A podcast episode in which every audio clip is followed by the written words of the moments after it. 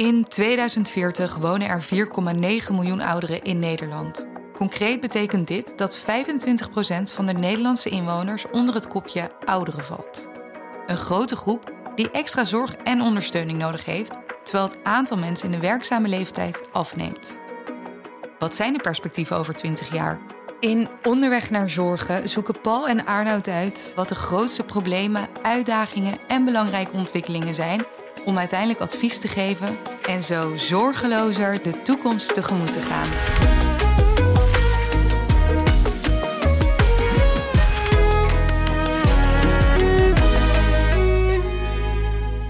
Hi Arnoud. Hey Paul. Daar zijn we weer. Uh, welkom bij de podcast Onderweg naar Zorgen. Voor de, wel een speciale finale aflevering die wij vandaag gaan maken.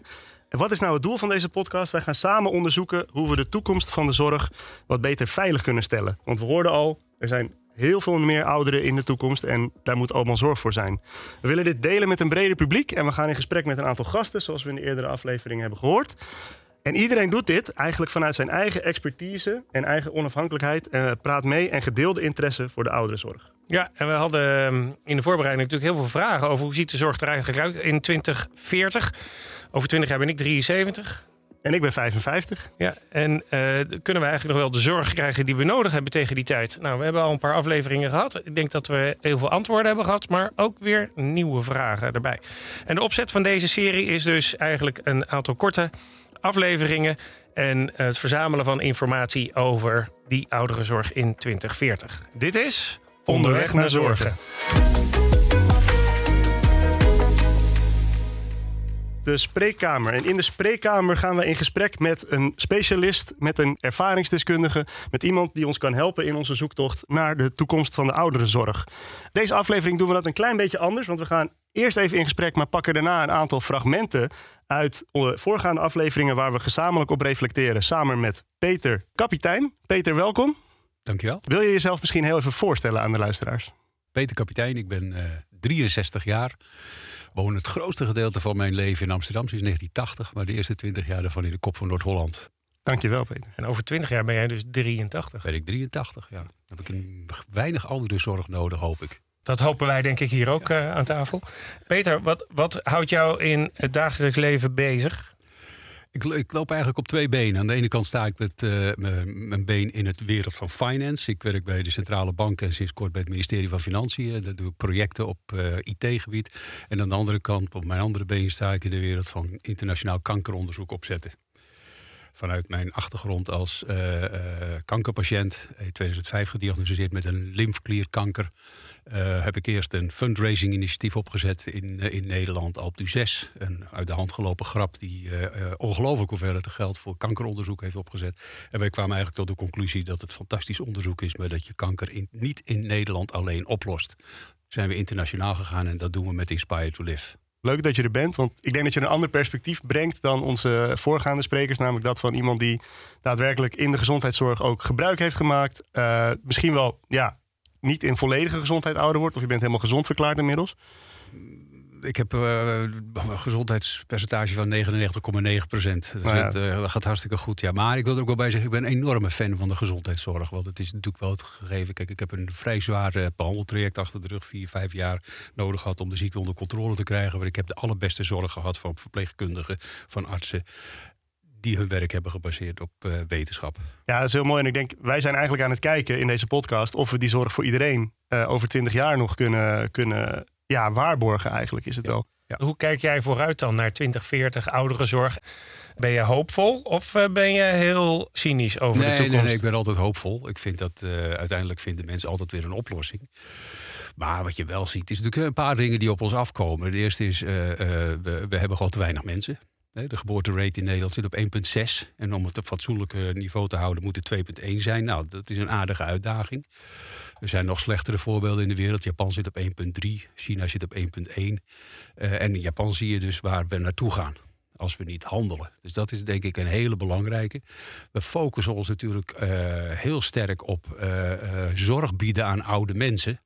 Maar wat we vergeten, of misschien kijken we wel weg, vergeten we het niet, maar kijken we gewoon weg, is dat er een enorm verschil zit tussen laagopgeleide mensen qua gezondheid en hoogopgeleide mensen qua gezondheid. Hoogopgeleide mensen hebben in het laatste anderhalf jaar van hun leven ervaren zij als een slechte kwaliteit van leven. Laagopgeleide mensen zitten op 17 jaar. Dat is een kolossaal verschil. En als je kijkt waar de zorg vooral op gericht is, is het op die laatste jaren. Nou, waar is dus een oplossing te vinden? Doe iets aan die enorme last bij de laag opgeleide mensen. En ik zie heel veel programma's over gezonder leven. En dan denk ik, ja, het effect daarvan is dat mensen die al gezond leven, gaan nog iets gezonder leven. En we bereiken niet de mensen die we eigenlijk zouden moeten bereiken. Want stel je voor dat je die 17 jaar nu kunt verkorten naar 10. Laten we niet zeggen anderhalf, maar naar 10. Dat is een enorme impact op de zorg. Echt een enorme impact op de zorg.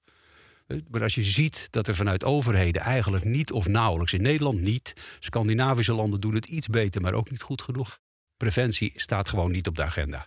Ja, dus eigenlijk wat, je nu, wat ik je nu hoor zeggen is, je, je moet nu gaan handelen om Ja. dat probleem op termijn. Want Ja. je zegt 17 jaar, dat vind ik wel grappig. Dat is bijna de tijdspanne naar 2040 waar we Ja. over praten. Dat die, vanaf die mensen vanaf nu een slechte kwaliteit van leven ervaren totdat ze daar komen. Dus dat, dat, dat is wel een thema wat we vaak hebben gehoord. En nu handelen eh, om Ja. gezonder oud te worden. Dus ook positieve Nou, kijk, gezondheid. Precies, want dat, dat zeg ik. Als je, dat, als, je, als je die 17 jaar kunt verkorten, dat, dat, is allemaal verminderende zorg. En het probleem waar we natuurlijk nu al mee zitten, is dat, dat aan patiënten verdien je heel veel geld. Het, hoe meer patiënten, hoe beter voor een heleboel industrieën. En daar, waar, waar waar we de, da- daarom is overheidspolitiek ook zo ontzettend belangrijk. Want, want van andere stakeholders gaat het niet komen. Het gaat eigenlijk- ook niet van de overheid komen, want de overheid die, die, die, die leunt achterover en die zegt in ieder geval tot, tot nu toe in heel veel landen, laat de markt het maar oplossen. En, en laten we vooral op basis van vrijwilligheid. Maar als je kijkt waar de grote winst te behalen is, dat is bij tabak, dat is bij alcohol, vet, suiker en eh, zout. Maar je zegt net iets heel interessants, eh, Peter. Eh, ik ga een klein stukje terug. Want overheden noem je aan de ene kant. Aan de andere kant zeg je ja, eh, is ook niet allesomvattend wat eh, overheden kunnen doen. Ik zit een beetje aan jouw eh, tak van sport te denken. Wat kunnen belangenorganisaties Ja. hierin betekenen? Ja. En worden ze misschien genoeg gehoord? Kijk, als je niet genoeg gehoord wordt, dan, dan, dan, dan ik wou bijna zeggen, dan schreeuw je niet hard genoeg. Maar, maar als je niet gehoord hebt, dan ligt dat aan jezelf. Als je een probleem bij een ander legt, weet je één ding zeker, dan gaat het hem niet worden op de komende, in de komende periode. En als je de brug maakt naar de ouderenzorg, denk ik, dat is wel een beetje een stille crisis aan het zijn op het moment. Dat we niet, we zien hem aankomen, maar we handelen misschien nog niet. Wat je zelf net misschien ook al wel zei. Het is een probleem van overmorgen. Hè? Het Ja. klimaat zien we ook niet aankomen. Precies. Of zien we eigenlijk ook wel aankomen, maar we denken, nou ja, die zomers in Nederland zijn wel lekker warm. Ja. Maar, maar het gaat is dat je, dat je de urgentie, zoals die zich gaat voordoen over 10, 20, 30 jaar, dat je die urgentie duidelijk maakt op een manier dat het nu pijn gaat doen. Precies. Ja, en, en, en we zijn denk ik te lang bezig geweest op, om, om het zodanig te draaien dat we het nu prettig moeten vinden om er over 20 jaar voordeel van te hebben. Nou, ik heb heel veel sollicitatiegesprekken gevoerd met 1, 2, 3, 4, 25-jarigen. En dan moest ik ook altijd zeggen dat we een ontzettend goede pensioenregeling hadden. Deze niks. Nee, Nee. die is eerder ook wel eens langsgekomen in de aflevering. Precies. We zeggen allemaal, denk er nu over na, maar we doen het niet. Maar we doen het niet. Ja, en en hoe, hoe krijg je die stem eigenlijk goed hoorbaar in de veranderingen die nodig zijn voor 2040? Ja, dat is natuurlijk de cruciale vraag. Kijk, ik denk dat het helpt om naar hele goede voorbeelden te kijken. Hè, dus je maakt duidelijk wat het probleem gaat worden. En dan kom je met allerlei feiten, wat ik net aangaf. De geboorterate zou eigenlijk op 2,1 moeten liggen, ligt op 1,6. Nou, dat, dat, dat moet je doen. Hè. Dus het, is absoluut noodzakelijk dat je, dat je de, de feiten op tafel krijgt. Dat je het bewijs gaat leveren dat het gaat komen. En dan is het natuurlijk van... Je vroeg net van, ben je hoopvol of word je cynisch en, en pessimistisch? cetera. Nee, ik ben hoopvol. Als je kijkt naar ouderenzorg. Kijk naar, naar, een prachtig voorbeeld in Nederland is buurtzorg. Jos de Blok. Zoals Jos de Blok zorg organiseert, dat is met een veel grotere mate van efficiëntie en effectiviteit. Je hebt daar geen managers. Ik denk dat dat heel belangrijk is. Geen managers. Die maken meer kapot dan hun ogen zien. Dit is, het is heel belangrijk, weinig administreren. De noodzaak van administreren is er natuurlijk wel. Want als je de ene shift overdraagt aan de ander... dan moet hij wel weten wat heeft die mevrouw of meneer gehad. Dat wel. Maar die hele administratie richting zorgverzekeraars moet je mee kappen. Gewoon direct mee kappen. Dat gaat een heleboel ellende voorkomen. Dus je ziet dat Jos, Jos de Blok in dat stelsel van Nederland, waarbij ongelooflijk overgereguleerd is, toch een weg weet te vinden. En dat is niet een organisatie met 100 of 200. Nee, dat zijn duizenden zorgverleners aan ouderen die hun werk daarin doen. Dus het kan kennelijk wel. Klinkt mooi. Want de bureaucratie is ook al voorbij gekomen als een, uh, als een aandachtspunt. Ik denk dat jij dat nu ook wel heel helder weer uh, schetst, uh, Peter. Ja. En het, dan kom je eigenlijk op hoe kan je toch de zorg individueel maken voor. Want ieder mens wil wat anders. Dus je wil aan de mhm. ene kant wil je individualiteit eigenlijk, of zorg op maat. En aan de andere kant wil je het collectief met elkaar goed geregeld hebben in de toekomst. Hoe, hoe, hoe zoeken we die balans? Ja, ook daar is denk ik een heel mooi voorbeeld van. Er is ook een zorgorganisatie van studenten die gekoppeld zijn aan, aan, aan ouderen.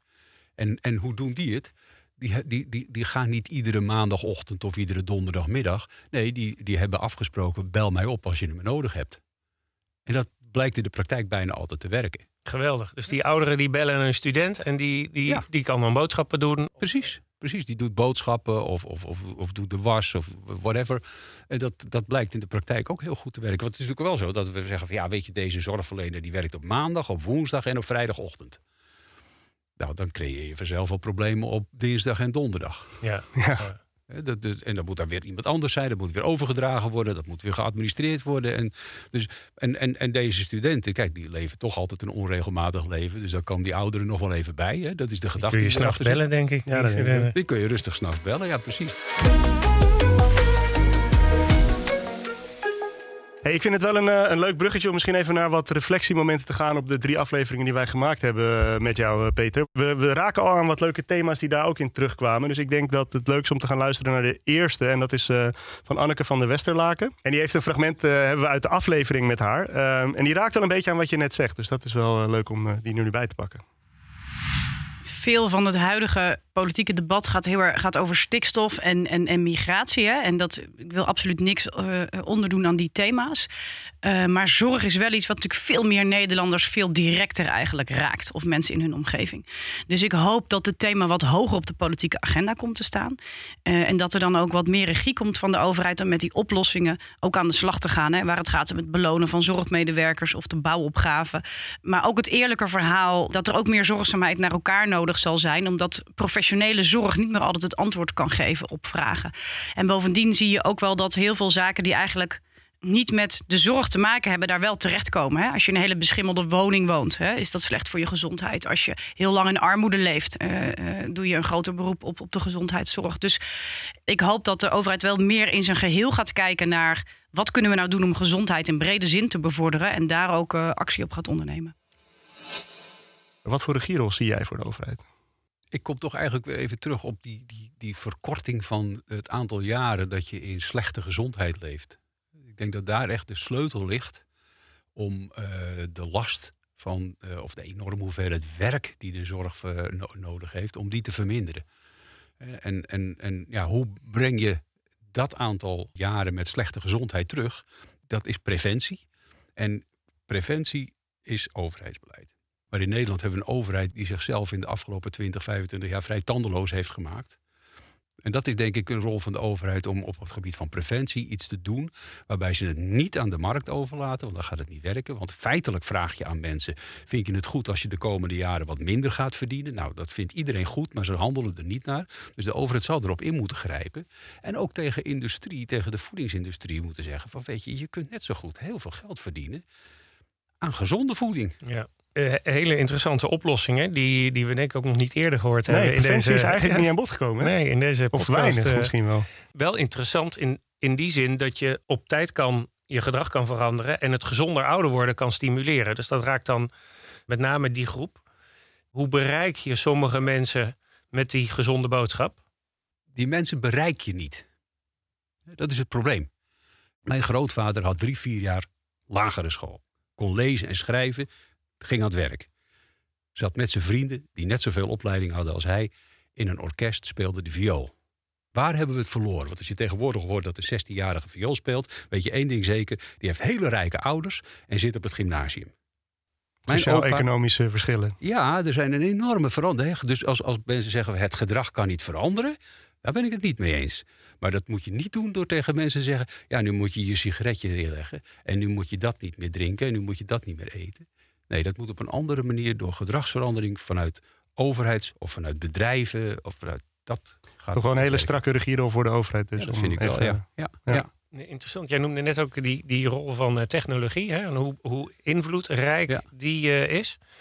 We hebben ook in deze podcastserie uh, technologie voorbij horen komen. Sensortechnologie, big data, artificial intelligence. Zie jij daar kansen voor, voor de ouderenzorg? Ja, ja ik denk dat, dus, ook zeker niet denken dat één oplossingsrichting het verschil gaat maken. Nee, ik denk dat je op meerdere dingen moet inzetten. Het is natuurlijk ook, ook nou, kijk, kijk naar, naar eh, oudere mensen. Ook oudere mensen kunnen gewoon met een videoverbinding contact hebben met hun zorgverlener. Eh, heel veel dingetjes zijn gewoon kleine vraagjes. Dat kan allemaal via videoverbinding. Hoef je niet heen als zorgverlener. Want het is een half uurtje heen, het is een half uurtje terug. En dan zit je er een kwartier. En in totaal dus een uur en een kwartier. Dat kun je allemaal verkorten. Dus ik ben een groot voorstander van IT. En inderdaad, die sensoren. Ja, dat zijn denk ik ook heel, heel belangrijk om daarop in te zetten. Ja, ik denk dat we daar een heel leuk fragment over hebben. Het komt uit aflevering 2, waar we echt van de Poel spraken. Over data, tech en AI in de toekomst van de ouderenzorg. Uit alle studies blijkt dat als je de beste voorspellers bij elkaar zet, zitten ze er nog steeds altijd naast. Dus, nogmaals, ga niet uit van de technologie die je nu ziet, maar ga uit van wat zijn nou de uitgangspunten die bij ouderenzorg, die bij zorg horen. En probeer dan stap voor stap met de technologie die er is of die er aan zit te komen op de korte termijn, te bedenken hoe kan ik dat nou beter vormgeven. Nou, en met AI van nu, die ik nu om me heen zie, denk ik al, jongen, jongen, jongen, er zijn zoveel suboptimale dingen in de ouderenzorg, in zorg in het algemeen, waarvan ik denk, laat dat in vredesnaam door technologie deels uit handen genomen worden, want dat kan eigenlijk nu al.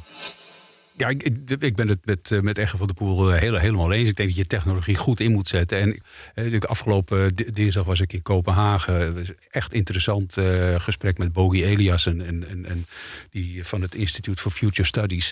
Die ook aangaf, was ik het van harte mee eens. Wat we niet doen is het gebruiken van de kennis van het personeel en van het geld wat we nu hebben. Wat we nu hebben. Binnen Inspire to Live hebben we een belangrijk thema. Dat noemen we Do Not Execute What We Already Know.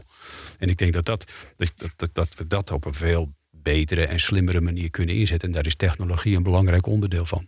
Ja, ik, dat, voor mij was dat wel een, uh, in die zin een beetje een verrassing dat ergens zei van ja, we moeten eigenlijk gewoon nu eens aan de gang gaan met wat er allemaal ligt. Ja. We kunnen eigenlijk niet zien waar een vrij bed is in een verpleeghuis, maar we kunnen wel eh, binnen een dag kan je een wasmachine thuis bezorgd hebben op maat. We moeten aan de slag, is de boodschap een beetje, denk ik. Ja, ik denk dat het een mooie brug is naar uh, eigenlijk die, die, die derde aflevering die we hadden, waar Jan uh, Kremer in zat, die heel duidelijk opriep voor een soort verandering, transitie, die, die gedeeltelijk gedreven is door overheid uh, en regievoerders, zeg maar, in de breedste zin des woords. Maar voor net zo'n belangrijk deel eigenlijk ook uit onszelf moet komen, die verandering. Mhm.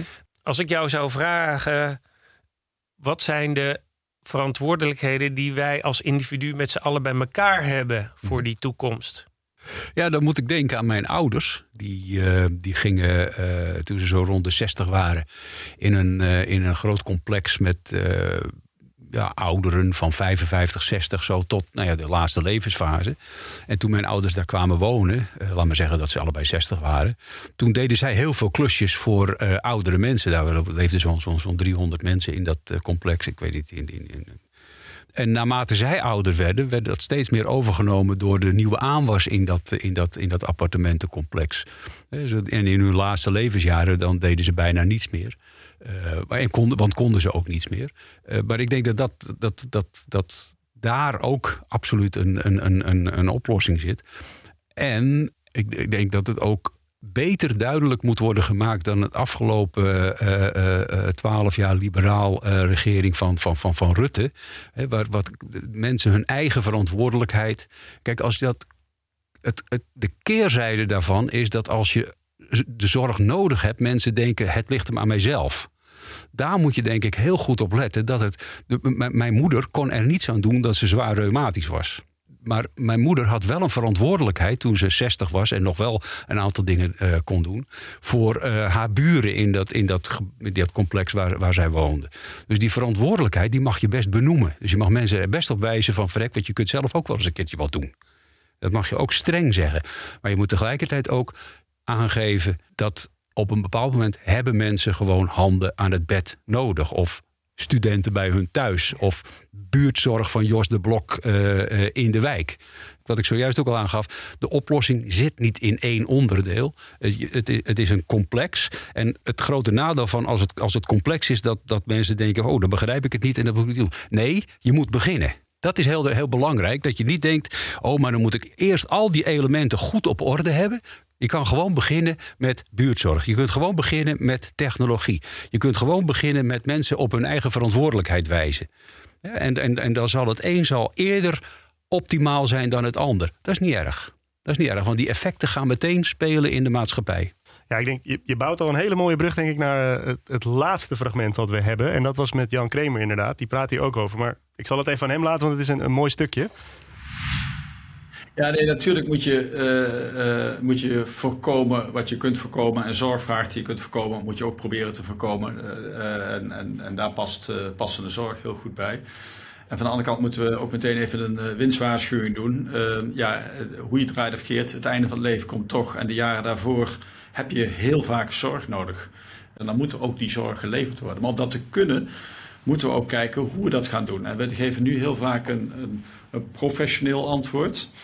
Ja, misschien moeten we ook iets meer naar, een zorg, meer naar een zorgzame samenleving gaan, waar we ook op andere manieren voor elkaar zorgen dan alleen maar, um, ja, oneerbiedig gezegd, wegprofessionaliseren naar professionals. Ja, eens. Ik denk dat het eh, de, de, de spijker. Jan geeft in feite ook aan van ja, in de laatste levensfase. Nou, wat ik eerder aangaf, maak niet zo kort mogelijk. Daar, daar hebben we de mogelijkheden voor. Um, en uh, uh, luisteren ja, je naar... die fase in slechte gezondheid? Of ja, in, in, ja, ja, precies. Ja, ja, ja, Naar een zorgzame samenleving toe. Ja, in zekere zin betekent dat gewoon terug naar een zorgzame samenleving. Bedoel, dit, dit, dit is niet, we gaan niet naar iets nieuws toe. We gaan hooguit naar iets anders terug omdat het volkomen vanzelfsprekend was dat je uh, 50, 60 jaar geleden voor, uh, voor, voor, voor je buren zorgde. Dat, was, dat, dat stond niet eens ter, ter discussie, dat deed je. Jeetje Peter, wat heb jij ons uh, veel uh, verteld. Heel breed hoe jij tegen de ouderenzorg aankijkt, dankjewel. De volgende rubriek die heet het recept, waar we ook nog een tip hebben voor de luisteraar. Heb jij een tip? Ja, ik denk dat de belangrijkste tip is: blijf zo vaak en zoveel mogelijk in beweging. Blijf sporten, leef daardoor ook gezond. Beweging voor oudere mensen, maar dat begint bij jongere mensen. Als je dat zo lang mogelijk volhoudt, dan zul je merken dat je de tijd waarin je kwaliteit van leven vermindert of slecht is, zo kort mogelijk houdt. En dat betekent niet alleen dat je uh, de zorg ontlast, maar dat betekent ook dat je een veel leuker leven hebt. Mooi, dankjewel. Mooie afsluiter, denk ik. Ja. Dankjewel, Peter, ja. voor je bijdrage. Graag gedaan.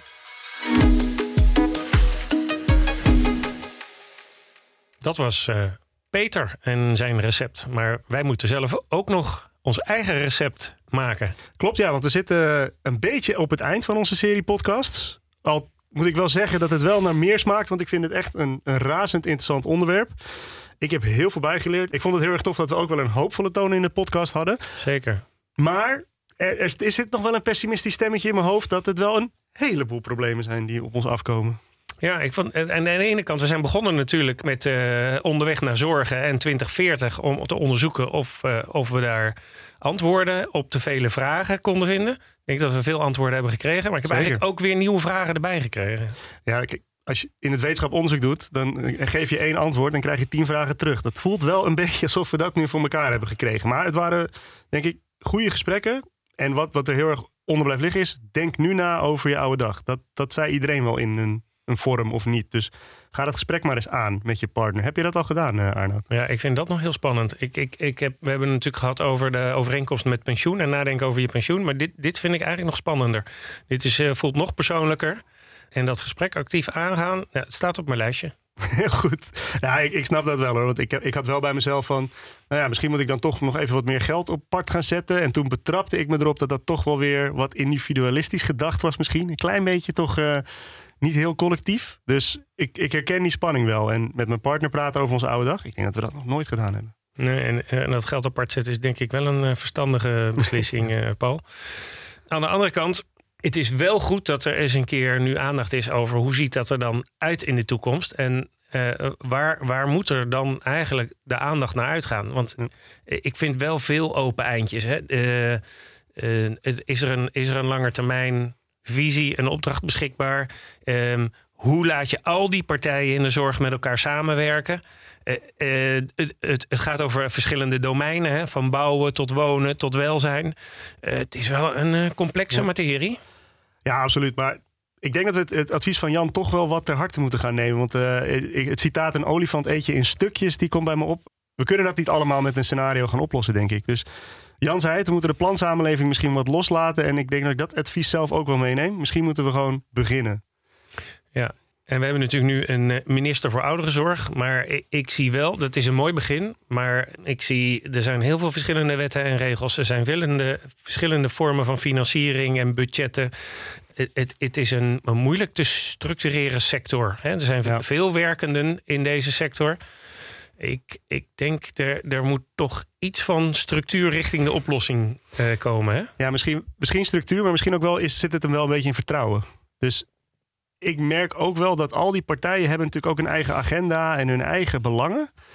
En we vertrouwen elkaar niet altijd heel erg goed in, in, dat, in deze arena en in dit domein. Nee, dus heel behulpzaam, hè? dat vertrouwen ook voor uh, minder bureaucratie en dan ja, het verkrijgen van meer handen aan het bed. En, uh...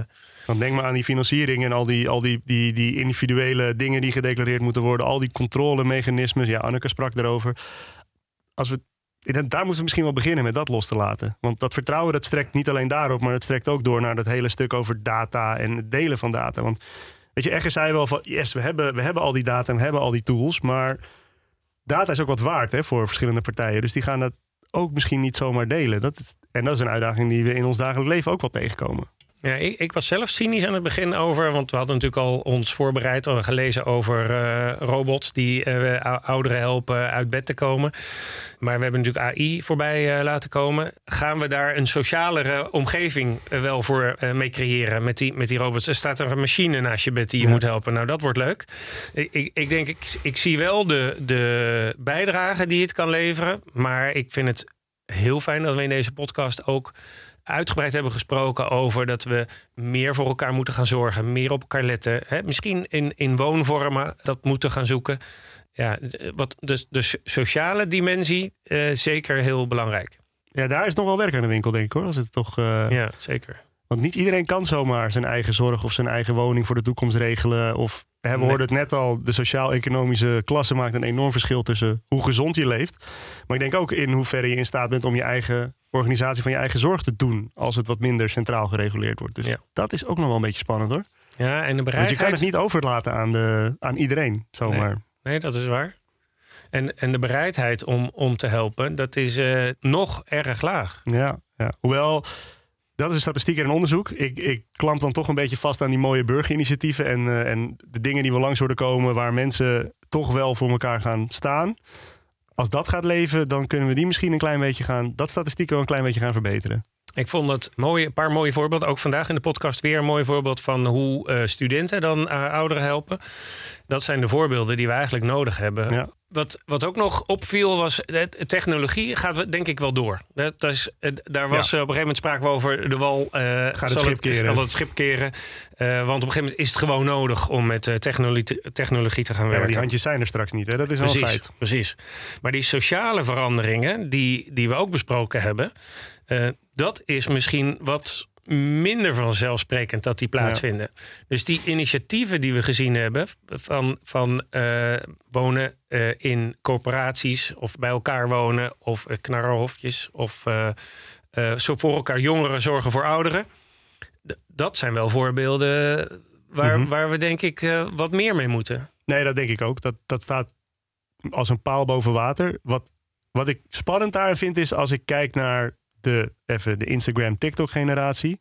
Dat is super individualistisch. Hè? Dus dat speelt niet echt in de kijker dat mensen elkaar heel erg gaan helpen. Het is vooral, kijk mij het eens goed hebben. Um, dus dat is wel een uitdaging. Ik denk dat de grotere verandering nog wel is. Een groter dilemma dan wellicht financiering of werk of AI-implementatie. Ja, dat denk ik ook. De samenleving moet ook gaan veranderen. En we hoorden dat ook vandaag al. Ja, En, en ook dat heeft meerdere kanten. Van, aan de ene kant wil je zorg op maat leveren. En, en, zit daar, en, en moet je misschien zelf ook sparen voor je oude dag. Ja, precies. En zit er een individueel kantje aan. Aan de andere kant ehm, weten we allemaal dat, dat dat kun je niet in je eentje oplossen. Wel heel veel eh, tekst voor één receptpapiertje. dus da- ik denk dat ik hem even moet gaan samenvatten. Maar als ik, als ik dat een voorzet voor mag doen, dan is denk ik onze samenvatting dat we als samenleving wat zorgzamer naar elkaar moeten worden. Die staat er wel boven voor mij. Zeker. We begonnen deze podcast-serie met de vraag: hoe ziet de ouderenzorg in 2040 uit? We hebben waanzinnig veel eh, geleerd. We gaan nu naar de rubriek De Toekomst. Ik zou eigenlijk willen zeggen tegen jou, eh, Paul, als jij zo direct eh, naar buiten loopt en alles weet wat je nu weet, wat is dan het eerste wat jij gaat doen voor jouw toekomst? Ja, wat ik, wat ik als eerste wil gaan doen is, ik wil iets voor een ander of iets meer voor een ander gaan doen. Ik wil ook wel met mijn ouders wat meer gaan kijken van hoe zij daarnaar kijken, dat gesprek aangaan en zelf iets meer doen. En mijn generatie misschien wel motiveren om dat ook te doen. Mooi. En jij Arnoud, wat ga jij eh, doen? Nou, ik, ik ga in ieder geval beginnen met iets, eh, me verdiepen in die campagne Praat vandaag over morgen. Wat ik net ook al zei, ik vind dat toch spannend. Eh, dus ik denk dat ik daar eh, mee aan de slag ga. En ehm, ik denk dat, dat eh, eh, wij zijn wel aan het rondkijken naar een ander huis. Misschien ga ik daar ook wel rekening houden met mijn toekomst. Een gelijkvloerse woning zoeken. hey, misschien als afsluiter, mag ik jou dan vragen of we onderweg naar zorgen zijn op een positieve manier? Onderweg naar voor elkaar zorgen? Of zijn we nog steeds onderweg naar problemen en zorgen? Ik hoop dat we onderweg naar zorgen zijn met zorgen voor elkaar. Ik vind dat ik daar wel heel veel eh, voorbeelden heb gehoord dat het kan. Ehm, de uitdaging is, hoe gaan we dat met elkaar realiseren? Heel mooi, dankjewel. Dit was Onderweg naar Zorgen. Neem vooral ook een kijkje op onze LinkedIn-pagina en stemvandepatiënt.nl.